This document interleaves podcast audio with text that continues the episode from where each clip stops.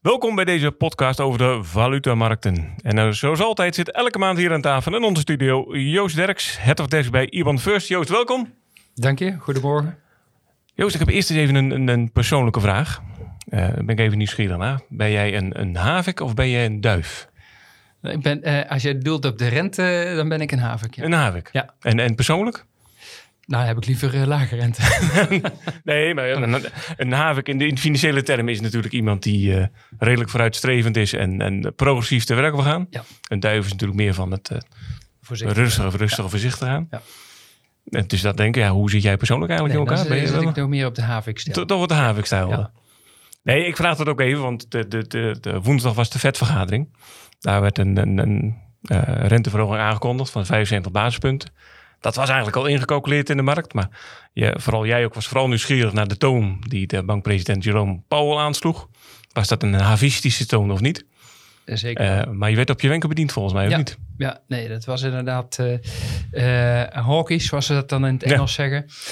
Um, de, met name de dotplot, hè, dus de, de, de toekomstige verwachting van de rentestanden, waar de centrale bankiers denken dat uh, daar waar we naartoe gaan met de rentes, die werd weer iets hoger vastgesteld. En dat is eigenlijk al een aantal keer uh, gebeurd. En het is ook niet zo verwonderlijk, zeker na de uitspraken die Powell deed in Jackson Hole, het centrale bankensymposium.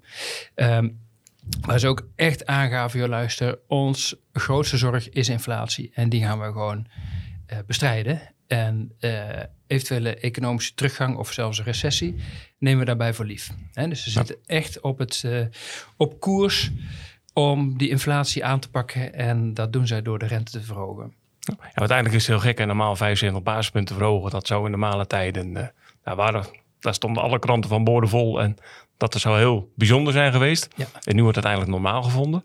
Bijna wel.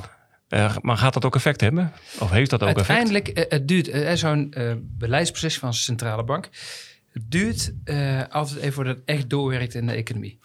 En wat wil de centrale bank hiermee bereiken? Die wil juist bereiken dat vraag en aanbod weer in evenwicht komen. Het punt is nu dat prijzen zo hard stijgen. Enerzijds natuurlijk de energiecrisis waar we waar de centrale bank ook geen invloed op heeft. Maar anderzijds is, was het al eerder aan de gang um, dat de prijzen van goederen, maar ook van arbeid aan het oplopen zijn. En dat komt omdat vraag en aanbod niet in evenwicht zijn. Er is eigenlijk te veel vraag en te weinig aanbod, waardoor de prijzen automatisch omhoog gaan. Dan wil de centrale bank dus eigenlijk die, dat weer in evenwicht brengen. En dat, het enige wat zij kan doen, is die vraag afremmen door de rente te verhogen. Ja. Waardoor het enerzijds uh, interessanter wordt voor huishoudens uh, om geld op de bank te houden, want dan krijg je weer rente op. En anderzijds worden investeringen daarmee afgeremd hè, van bedrijven. Want het wordt duurder om een nieuwe fabriek te bouwen en om dat weer af te lossen en, uh, en de rente erover te betalen over die looptijd. Hè, dus daarmee rem je eigenlijk de investeringen en rem je dus ook uh, de vraag. Dat is de theorie. Ja. Maar nou is deze verhoging eigenlijk al ingecalculeerd. Maar heeft het dan nog wel eens een effect? Ja, ja, ja nee, zeker. Ja. Kijk, uiteindelijk um, zit inflatie. Uh, enerzijds natuurlijk die, die, echt puur technisch vraag en aanbod. Maar anderzijds zit er natuurlijk ook een stukje tussen de oren.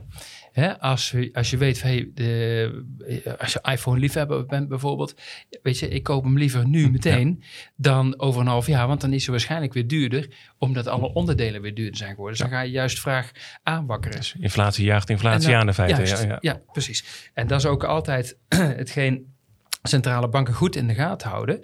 Uh, ook met deflatie. Hè, dat is precies het tegenovergestelde. Als ja. juist goederen goedkoper worden, dus vraag lager is dan het aanbod, dan zakken de prijzen, dan ga je juist je aankopen uitstellen. Ja, ja. dat is ook iets wat we, wat we niet willen. Daarom hebben we in het verleden dus die centrale banken die rente zo verlaagd, zelfs naar negatief gebracht, om juist maar die vraag aan te wakkeren. Nou, nou zijn we zover, maar dan schiet het weer te hard door. Hè. Dus het is, ja, de, de, de de rol van centrale bankier is echt een evenwichtskunstenaar. Ja. Dat is dus, je moet echt heel ver vooruit kunnen kijken om te zien van joh, hey, ik, ga, ik zie daar iets aankomen, ik moet nu al kunnen reageren. Want ook het beleid duurt dus eventjes voordat het doorwerkt in de ja. markt. Maar loopt de vet wat dat betreft nog wel op het koord? Of uh, is het, bungelt het er een beetje onder? Als je nou, een evenwichtskunde naar... Ze zijn echt uh, aan, aan het, uh, hoe noem je dat? Met die, met die evenwichtstok nee, flink aan het zwaaien. Ja, om, maar, om maar in evenwicht te blijven. Ja. Maar op dit moment zijn ze dat natuurlijk niet. Ja. je hebt vorig jaar, toen we uit de coronacrisis kwamen... zag je natuurlijk al dat de prijzen op gingen lopen. En zei iedereen, iedere, alle economen en de centrale banken, dit is een tijdelijk effect. Want een soort inhaaleffect, dat app dadelijk wel weer weg. Ja. Maar dat is behoorlijk onderschat. En de eerste die het wel uh, uh, ja, respecteerde, is eigenlijk de Bank of England geweest. Die, die dat is de eerste centrale bank die de rente uh, verhoogd heeft toen de tijd. Daarna volgde snel de vet. Die zag ook van ja, dit is niet zo tijdelijk als wij uh, hadden verwacht. Dus ze zijn ook in actie gekomen. Nou, en uiteindelijk is de ECB, zoals we weten, deze zomer uh, een keer uh, in actie gekomen. Met veel tegenzin. Ja. Om toch. Ja. Ja, want de ECB, dat, dat zouden we bijna weer vergeten. Dat lijkt alweer lichtjaren achter ons. Maar dat hadden we nog niet bij ons vorige gesprek een maand geleden kunnen bespreken. Die had ook een historische hoge voor haar doen rente ja. uh, doorgevoerd. Maar de hoogste rente zit aan op anderhalf procent. De, de vet zit al over de 3 procent, of 3, 3 procent en hoger. Ja. Uh, ja, lopen we hier in Europa met, met de ECB niet, niet ver achter. Ja, maar Europa loopt eigenlijk altijd achter op Amerika. Ook met de economische cycli. Ja, dus Amerika is altijd, uh, reageert sneller, uh, past zich, kan zich sneller aanpassen uh, aan economische omstandigheden. Uh, en ook een centrale bank die wat dichter op de bal zit dan een ECB. Ja. En je ziet dus ook dat de ECB inderdaad later uh, begint met het verhogen van die rente, terwijl dat hier ook net zwart nodig is. We hebben wel één verschil. We hebben wel wat meer last van die Oekraïne-oorlog natuurlijk, ja, ja. dan dat de Amerikanen hebben. Hè. Ze heeft echt op de economie in Europa een veel meer negatief effect dan wat het op de Amerikaanse economie heeft. Laten we even terugpakken op de eh, Amerika. Daardoor, hij is nu 3,25 procent uh, ja. de rente. Er wordt verwacht dat dat aan het einde van het jaar richting de, de 4 procent gaat. Ja. Uh, is, is, is dat afdoende? Of, of, gaan we nog hoger het komende nee, jaar? De Fed heeft al aangegeven dat het uh, uh, waarschijnlijk eind van dit jaar tussen de 4 en de 4,5 uh, komt te liggen. En dat de top zo'n beetje in, drie, in 2023 ik denk in het eerste kwartaal uh, rond de 4, uh, tussen de 4,5 en de 5 procent ja. komt te liggen. Uh, dus dat is een beetje de, ja. waar de markt eigenlijk warm voor maakt. Maar het zou mij niet verbazen als ze straks bij de volgende cijfers, in, als we daar in november zitten met de volgende meeting, en de inflatiecijfers gaan niet naar beneden en blijven hoog, dat die dotplot, dus die voorspelling voor de ja, toekomst, weer hoger wordt bijgesteld. Dat hebben we nu al een aantal keer gezien. En je ziet ook dat inflatie is heel hardnekkig heel moeilijk om te bestrijden. En Klaas Knot, de president van de Nederlandse Bank, heeft het ook al vergeleken met een stuk eh, met een tube tandpasta. Als die tandpasta eenmaal uit de tube is, is het verdomde moeilijk om hem terug te krijgen. Ja, dus, en zo vergelijkt dat ook met inflatie. Dus het heeft echt tijd nodig om dat weer naar beneden te krijgen. Ja. En nou, wat zie je nu in Nederland er gebeuren? Uh, vanochtend ook las het FD, de metaalsector, 10% erbij. Dat betekent dus dat het... De, FNV 12 procent willen ze ja, volgend jaar. Ja. Ja, dus het risico waar ze altijd zo bang voor zijn geweest, waar we het ook in het verleden over gehad hebben, over die loonprijsspiraal. Daarom keek de Centrale Bank van Amerika ook heel goed naar de loonontwikkeling en de werkgelegenheid. Als daar een ontwikkeling komt die naar boven gaat, hè, dus hogere lonen, dan bedrijven moeten het op een gegeven moment weer gaan doorrekenen in prijzen van producten. En dan hebben we het een loonprijsspiraal. En dan ga je inflatie eigenlijk wel verankeren in je economie. Want ja, we gaan, er wordt niet afgesproken, hey, als die inflatie ook weer terug is, ja, dan halen we deze maatregelen weer terug. maar, maar, dat zijn eigenlijk mooie beweringen wat je schetst. Want eigenlijk iedereen ziet het gebeuren. Ja. Uh, en iedereen weet ook wel wat de consequentie ervan is. Uh, maar waarom gaat het dan toch gebeuren? Want het ziet er wel naar uit. Ja, dat, dat we die kant korte, op gaan. Dat is korte termijn denken. Kijk, uiteindelijk um, eh, je kent de spreekwoord of het gezegde... Uh, zachte heelmakers, uh, heelmeesters maken stinkende wonden. Nou, dat is hier ook zo. Je, moet een keer, je kan niet ongebreideld groeien uh, en schulden opbouwen en, of een inflatiebubbel zonder pijn. Dat gaat niet. Dus je moet die pijn, die moet je, die, daar moet je een keer doorheen. Ja, ja. En, maar zorg dan wel voor dat je hem goed verdeelt. Dat iedereen daaraan mee, eh, meedoet. En dat niet alleen de, de, eh, de sterkste schouders, zeg maar, de, de, de lichtste lasten eh, dragen. Hè? Want er moet wel, dat moet eigenlijk precies andersom zijn. Dus je moet zorgen dat die inflatie, die kosten daarvan, dat die uitgesmeerd worden over iedereen. Want je kan niet... ehm, je kan dit soort problemen niet door één doelgroep of één of de overheid even op laten lossen. Dat, je, je zal eventjes terug moeten. Eh, Eigenlijk zitten we hier op een, een, bijzonder moment. Eh, het is nu eh, eh, vrijdag eh, 23 september, 11 uur. Maar we zien eigenlijk de euro-dollar-koers eh, aardig onderuit gaan. Eh. Eh, je had net nog zitten kijken, toen was die 97,5. Ik weet niet hoe die Ja, nu... eh, ja, dat ligt hier nu nog. Hè? Dus dat eh, is eigenlijk weer een dieptepunt in, de, in de historie van de euro. 97,5 is ook weer een, ja, noemen we dan een technisch niveautje. Het laagste punt ook in 20 jaar, hè? Dat hadden we net een beetje in 20 bekeken. jaar, klopt. eh, maar niet het Maar- laagste punt van de euro in zijn historie. Hè, dus we hebben kort na de introductie van de euro in eh, 1999... ehm, is eigenlijk de euro eh, heel kortstondig opgelopen ten opzichte van de dollar. Maar vervolgens zakte die behoorlijk af. eh, en eh, volgens Maar mij we- zijn we iets van 0,85 geweest zelfs. Dus dan hebben we nog wel even te gaan. Maar, oh. maar als we dan, dan, bij het vet ECB hebben we net besproken. Heeft dat alles mee te maken met de huidige eurokoers? Of spelen daar ook Nee, andere nee. factoren Nee, een rol? maar er zijn natuurlijk ook andere belangrijke factoren. En dat zagen we woensdagochtend. Hè, toen Poetin aankondigde dat hij weer nieuwe manschappen ging mobiliseren. eh, om in Oekraïne mee te vechten. Ja, daar, toen zag je meteen de euro eh, bijna een halve cent, ruim een halve cent eh, wegzakken. Alleen al op dat nieuws. Vervolgens appte dat nieuws nog door. Kwam de, in de avond de, de vet eroverheen met een renteverhoging. En met ook nog een ehm, toekomstige hogere renteverwachting dan, eh, dan dat nu was ingeprijsd. Dus ja, dat eh, het zijn allemaal dingen die voor de eh, dollar spreken en tegen de euro. Hè. Dus het, er zit meer risico in het, in het eurogebied, zeg maar, dan op het US-stuk. Het renteverschil spreekt in het voordeel van de dollar. En je hebt ook nog de dollar die als veilige haven fungeert. En er zijn drie ja, eh, krachten eigenlijk die de dollar steunen en eigenlijk de, de euro ondermijnen. Maar waar gaan we dan naartoe? Dan gaat het waarschijnlijk nog verder omlaag als ik jou zo hoor. Want er zitten een paar eh, oorzaken in die hardnekkig zijn. eh. Ja, er zitten we uit, absoluut. Ja, dus hier, we verwachten ook dat het renteverhaal eh, voorlopig nog even zo blijft in het voordeel van de Ja. dollar. Ehm, ik ben heel bang dat die oorlog in Oekraïne veel langer gaat duren. Hè, dus die dreiging daarvan, die blijft, die is niet van tafel op korte termijn. Ik zou willen dat het anders Ja. was, maar ik ben bang dat het niet zo is. Ehm, eh, uiteindelijk gaat wel de wereld ook weer wennen aan zo'n situatie. Hè. Je ziet het nu al in de kranten. Ja, wordt- tegenstrijdige andere nieuws raar. domineert ja, weer. Ja, gaat ja, hier domineren. Eh, inflatie is natuurlijk nu weer een hot topic. En dan appt dat oorlogsnieuws langzaam weg. Ehm, maar laten we hopen dat, er, eh, dat daar binnenkort eh, ja, wat rustiger wordt. En wat, dat mensen, de beide partijen weer aan, om tafel gaan zitten. Als dat gebeurt, krijg je wel weer een echt compleet tegenovergestelde beweging. Want dan gaan eigenlijk die ja, die risicofactoren gaan van tafel. Dat betekent ook dat de dollar zijn eh, eh, rol als veilige Ja. haven minder hoeft te vervullen. Betekent dat de renteverschillen ook weer kleiner kunnen gaan worden. Betekent dat de Europe, Europese economie weer kan herstellen eigenlijk van, eh, van de risico's die we nu allemaal, allemaal zien. En dan krijg je een tegenovergestelde beweging op de financiële markten. Ja, want hoe verwacht je dat dat gaat lopen? De, de, de volgende ECB-vergadering is pas eind volgende maand. Ja. Verwacht je daar, zoals dat zo mooi heet, daadkrachtig optreden? Ja. Ja, dat denk ik wel. Ze hebben natuurlijk de afgelopen keren ook eh, eigenlijk meer geleverd dan, eh, ja, dan ze eigenlijk vooraf hadden gezegd. Hè, dus in, in juli een half procent en eh, twee weken terug dan drie kwart procent. Op zich was dat wel redelijk ingeprijsd. Maar ik denk ook dat de ECB dat ook echt wel moet.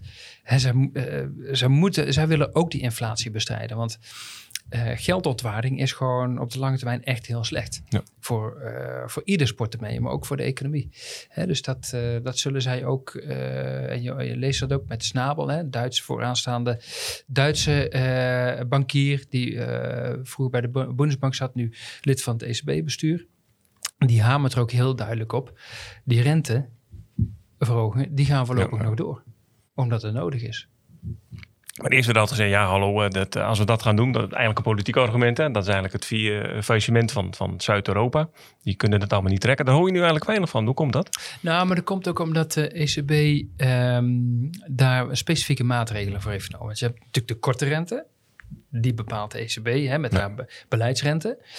Maar je hebt ook de lange rente. En we weten allemaal dat quantitative easing, hè, dus opkoop Ja, ja. van obligaties om de rente eh, tarieven te drukken. En dat gaan zij nu wat gerichter doen of meer sturing aan geven door wat meer Duitse en Nederlandse obligaties weer te verkopen, waardoor daar de rente iets omhoog kan. En juist meer, of eh, eigenlijk de obligaties van eh, Zuid-Europa te blijven ondersteunen, te blijven kopen, waardoor die rente daar wat gedempt wordt. Hè. Dus ze proberen wel die rente eh, niet te laten ontsporen als de markt pijnpunten gaat opzoeken. En dat moet er wel bij verteld worden. Het moet wel verdedigbaar zijn. Hè. Maar als de markt probeert speculatief eh, Italië in het nood te duwen, of in, het, eh, in een hoekje te duwen, Ja. dan grijpt de ECB in. Maar dat gaat ze nu er nog aardig af als ik jou zo hoor. hè? Ja, ja. Want dan gaan we als het, zeker om inflatie af te pakken, eh, aan te pakken. Hè. Zeg, deze week een, een aardig week. Je hebt nog een opsomming gemaakt van, van allerlei banken die de, de, de rente hebben verhoogd. Eh, in Zweden 1 procentpunt, eh, Zwitserland eh drie kwart procentpunt. Verenigd Koninkrijk weer, je noemde het net al, maar met een half procentpunt erbij. Ja. Om nog even dat, met dat, dat Verenigd Koninkrijk, want die zit voor, al op een aardig hoog percentage. Ja, het zit al op twee, boven de, rond de 2% Ja. volgens mij. Ja. Maar kan je daar ook zien ook dat, dat het daar echt werkt? Want daar werd toch ook voor een recessie gevreesd? Nou, daar, sterker nog, daar wordt heel erg voor een recessie gevreesd. En de Bank of England heeft ook al aangegeven, wij houden er rekening mee dat er een recessie, recessie in principe definitie is twee kwartalen negatieve groei. Hou er rekening mee dat het vijf kwartalen duurt ja, in de UK. Dus die vooruitzichten daar zijn echt niet goed. Dus ook die, eh, de, de inflatie loopt, is daar hoger dan in Europa, hoger dan in, eh, in Amerika. Eh, daarom is de ECB of de, de Bank of England destijds ook als eerste begonnen met het verhogen van die rente.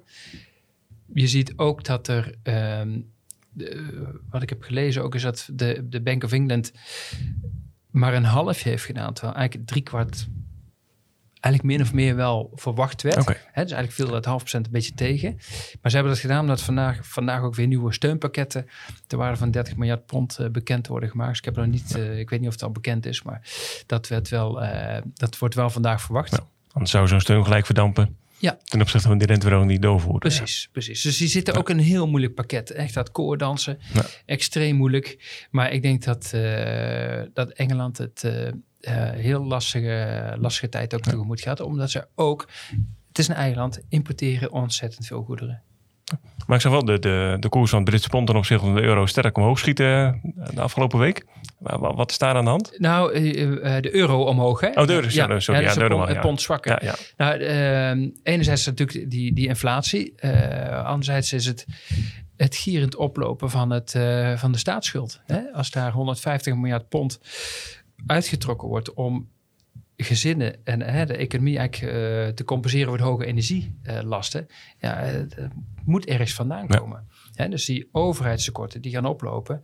Ja, en dan is maar de vraag eh, tegen welke rente wil de markt dat financieren?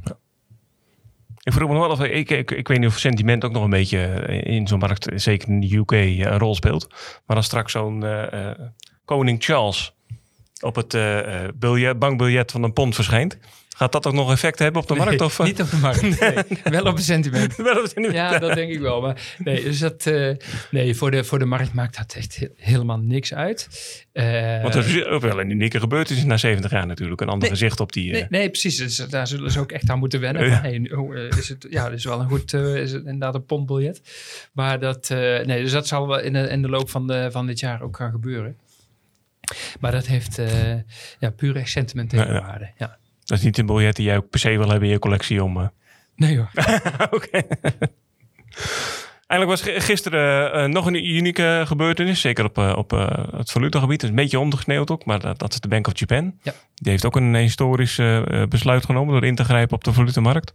Voor het eerst sinds 1998. Dus zit ook al op 24 jaar. Ja. Wat is daar gebeurd, Joost? Ja, daar. ehm, de de Bank of Japan heeft, zoals we weten, die rente al decennia op 0% liggen. En uh, Japan uh, worstelt altijd met, uh, met een deflatiescenario. Dus alles, prijzen werden daar steeds goedkoper. Dus zij wilden heel graag inflatie hebben. Maar dat kregen ze maar niet voor elkaar. Ondanks een rente van 0%. Nee. Nu zien we dat de inflatie aan het oplopen is. Alle centrale banken zijn de rente aan het verhogen, behalve de Bank of Japan. En daar is inflatie nu van 0% naar 2,8% gegaan. Op zich boven de 2% eigenlijk de doelstelling ook van de Bank of Japan. Eindelijk hebben ze wat ze wilden. Ja. Eindelijk hebben ze wat ze wilden, precies. Maar zij blijven bij hun beleid om die rente uh, niet te verhogen, omdat zij denken dat de inflatie volgend jaar weer zal afzwakken. Nou, we hebben net ook al even voor, uh, voorbesproken. Dat dacht de ECB en de Fed ook vorig jaar. Tijdelijk effect. Tijdelijk effect. Ja. En niets bleek minder waar. En dus ik denk ook dat de Bank of Japan daar uh, wellicht een, een, een fout gaat maken die ze nu nog kunnen herstellen. Door nu wel in te gaan grijpen, of op korte termijn. Maar uh, wat ze nu dus doen, is dat eigenlijk uh, zeggen van oké, okay, we grijpen wel in, maar op de vluttenmarkt.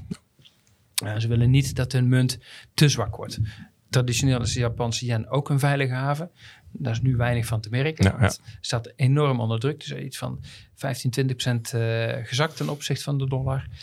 Um, dus zij willen eigenlijk dat die munt niet veel zwakker wordt. Want als die munt zwakker wordt, hebben we het ook al eerder over gehad. Japan is ook grote importeur van energie dan wordt je energie ook duurder. Dan importeer je ook automatische inflatie. En dat is ook de reden waarom ik denk dat het niet slim is van de Bank of Japan om die rente op nul te laten houden.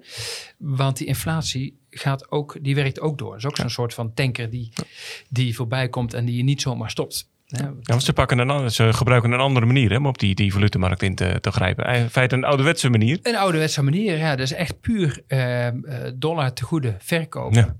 Uh, hè, dus dollar verkopen en yen kopen om de yen daarmee te ondersteunen op de markt. Dus echt puur uh, echt direct interveneren in de, in de valutemarkt. En dat werkt eigenlijk alleen als je uh, als centrale bank serieus genomen wordt. En dat betekent dus als jij uh, de markt gaat altijd testen hoe serieus ben jij, centrale bank. Hè? Dus uh, nou, de Bank of Japan heeft ingrepen bij een, een dollar-yen koers van 145 ongeveer. Nou, dat had meteen effect, want uh, we doken onder de 140. nu staan we iets hoger. Um, maar de, de, het belangrijk is om zoiets succesvol te laten zijn, dat je daadkracht en betrouwbaar bent. Hè? Dus dat je niet, uh, als de volgende keer uh, weer 145 staat, dan zeggen nou, nou doen we het niet. Ja, dan denkt de markt ook, ja, waar ben je nou voor, uh, voor een slappe centrale bank? Hè? Dus als daar dan weer keihard ingrijpen, ja, dan weet de markt, oké, hier ligt een ja. lijntje, dit vinden ze niet fijn, laten we het maar voor wat het is. Maar het is een beetje stereotyp misschien, maar de discipline is wel aan de Japaner denk ik toevertrouwd. Ja, dat, dat gaat de Bank of Japan ook doen? Bank of Japan heeft een... Uh, en hebben ze ook die, uh, die, heeft, die rijkwijde? Heeft, een, heeft echt een reputatie op dit vlak. Ja. Ja. en ze hebben ook de rijkwijde. Dus ze hebben echt diepe zakken. En ze hebben ook de wil en de power om het ook te doen. He, dus Bank of Japan, vlak die niet uit, er zijn weinig partijen die daarmee in gevecht willen eigenlijk. Ja, want dat, zoals ik jou hoor, wordt het wel een zaak van een lange adem. Zeker ook met die energieprijzen en al dat soort zaken. Dan, ja, kijk, dan ze, en, en, kun je wel de borst nat maken. En de druk op de yen zal meteen over zijn op het moment dat de centrale bank de rente gaat verhogen. Omdat de markt dan ook ziet, ah, kijk, nu komen ze in actie. Ja. Dat is wat we graag zien. En dan klinkt altijd weer de logische vraag, waarom doen ze dat dan niet? Omdat zij verwachten dat de inflatie dus ja, precies, ja. niet zo hoog zal oplopen. En um, maar goed, dan, dan zeg ik tegen de Bank of Japan: kijk alsjeblieft naar wat er in Europa en Amerika is gebeurd. Ja, de gebruiksaanwijzing ligt de feiten klaar. Maar. Ja, hè, die dachten dat ook. Nou, niets bleek minder waar. En uh, uh, hebben we net al ook eventjes uh, bekeken over de wereld. iedereen, of elke bank bestrijdt inflatie, behalve de bank van Turkije. Ja. Daar gebeurt iets heel bijzonders. Die hebben het rentepercentage zelf verlaagd. Maar dat is volgens mij niet zo'n goede zet als ik jou begreep. Nou, het is, uh, uh, het is compleet tegendraads. Ja. ja. het is niet zoals wij over de economie denken hoe dat, uh, hoe dat zou werken. En je ziet dus ook dat de inflatie in Turkije ligt boven de 70% Dus het beleid werkt niet echt om de inflatie naar beneden te krijgen. Maar dat willen ze denk ik ook niet meer, of? Nou ja, ik denk het wel. Als je het, denk aan de gewone Turk vraagt, zeg ja. alsjeblieft laat die prijsstijgingen stoppen. Hè? Want uh, het geld wordt steeds minder waard. Ehm, en dat is dus, je ondermijnt eigenlijk je eigen economie. Je eigen bevolking, ja, die, die verarm je daarmee. Ja, want het is... Uh, als alles duurder wordt, ja, op een gegeven moment, eh, Als je, je is het die geld 13 niks meer procent, hè, rentepercentage. Ja, 13 procent. Hij was 14, dus nu ja. 13, dus gaat weer lager. Meer om de economie te stimuleren, maar ja, je, het is een tegengesteld effect wat je gaat creëren. Want je gaat de vraag alleen maar omhoog gooien. Maar dat, dat gaat toch ergens crashen? Wat, wat gaat er dan gebeuren? Ah, nou, misschien nou weer een paar nullen van de koers afstrepen, wat we in het verleden ook hebben gehad. Nee, maar dat eh, dus, eh, weet ik niet. Ik denk die markt, eh, ik denk dat die Turkse lira-markt steeds illiquider wordt, omdat ja, eigenlijk geen partijen meer zijn die daar een positie in willen hebben. Ja, omdat het zo gevaarlijk is. Ja. En dat betekent dus ook dat het, als je Turkse lira moet afdekken, dat dat ook steeds moeilijker wordt. En ik verwacht ook dat met name Turkse leveranciers, hè, dus bedrijven in Turkije die nog spullen, vaak is het, zijn het, eh, eh, is het fashion, hè, kleding, wat daar gemaakt wordt, die zeggen veel tegen die Europese klanten, betaal me maar in euro's. Betaal me Ja. maar in een harde valuta en niet in mijn eigen currency, want ja, het is morgen weer 10% minder waard. En dat is misschien wel sowieso wel verstandig om te doen als je een exporteur bent. En, en dat doen ze dan waarschijnlijk al. Ja, dus je ziet dat veel bedrijven dat op die Ja. manier doen, omdat het risico intern voor de interne markt eigenlijk veel te groot is. Dus ik zit eens even naar de tijd te kijken. We vliegen er alweer doorheen. Eh, op 28 oktober is de volgende ECB-vergadering. Net al gememoreerd. Eh, de dag daarna zitten wij hier weer aan, om tafel. Ja. Wat denk je dat dan eh, het voornaamste punt is waar we het gaan over gaan hebben? Weer de renteverhoging die de hebben doorgevoerd. Ja, maar wat voor percentage gaat de markt vanuit? Of ga jij vanuit? Nou, ik denk ergens tussen eh, half over drie kwart procent. Een beetje afhankelijk van de inflatiecijfers. Ik ben bang dat die alleen maar oplopen. Ja. Zeker nu met die loonprijzen, hè, die, die loonsverhogingen die er allemaal aankomen. Wordt uiteindelijk ook weer doorgerekend in productenprijzen. Dus ik ben bang dat die inflatie, eh, dat dat nog niet afremt. En dan zal de ECB gewoon doorgaan. Maar dan blijft toch eh, dweilen met, de- met de kraan open nog steeds. Ja, dus het is... eh Dus dan moeten we de vaatdoekjes meenemen. Je vaatdoekjes meenemen, emmers erbij, eh, riemen vast. Maar, dat, eh, nee, maar, eh, maar uiteindelijk ga je, wat je ook zal zien, denk ik, is dat door die hoge prijzen, op een gegeven moment zit er ook een limiet aan wat mensen willen Ja. en kunnen betalen aan goederen.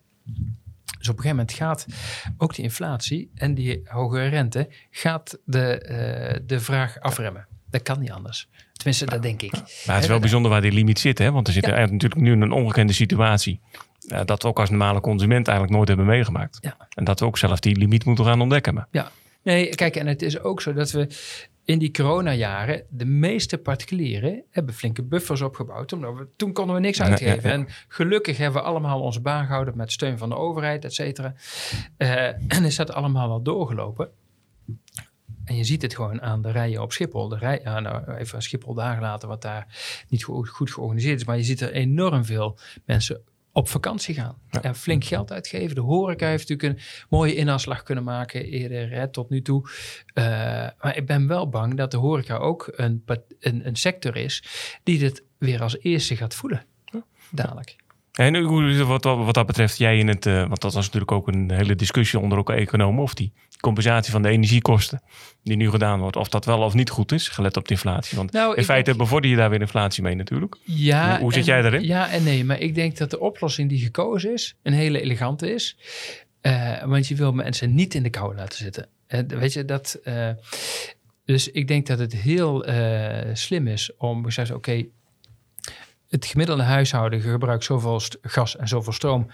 Dat compenseren we. Daarboven ga je de marktprijs betalen. En wat eh, bereik je daarmee? Dat mensen ook zuiniger gaan worden en naar alternatieven gaan zoeken. En de energietransitie daarmee in de versnelling komt. Hè? Of in ieder geval serieus wordt genomen. Dus ik denk dat dat op zich goed is.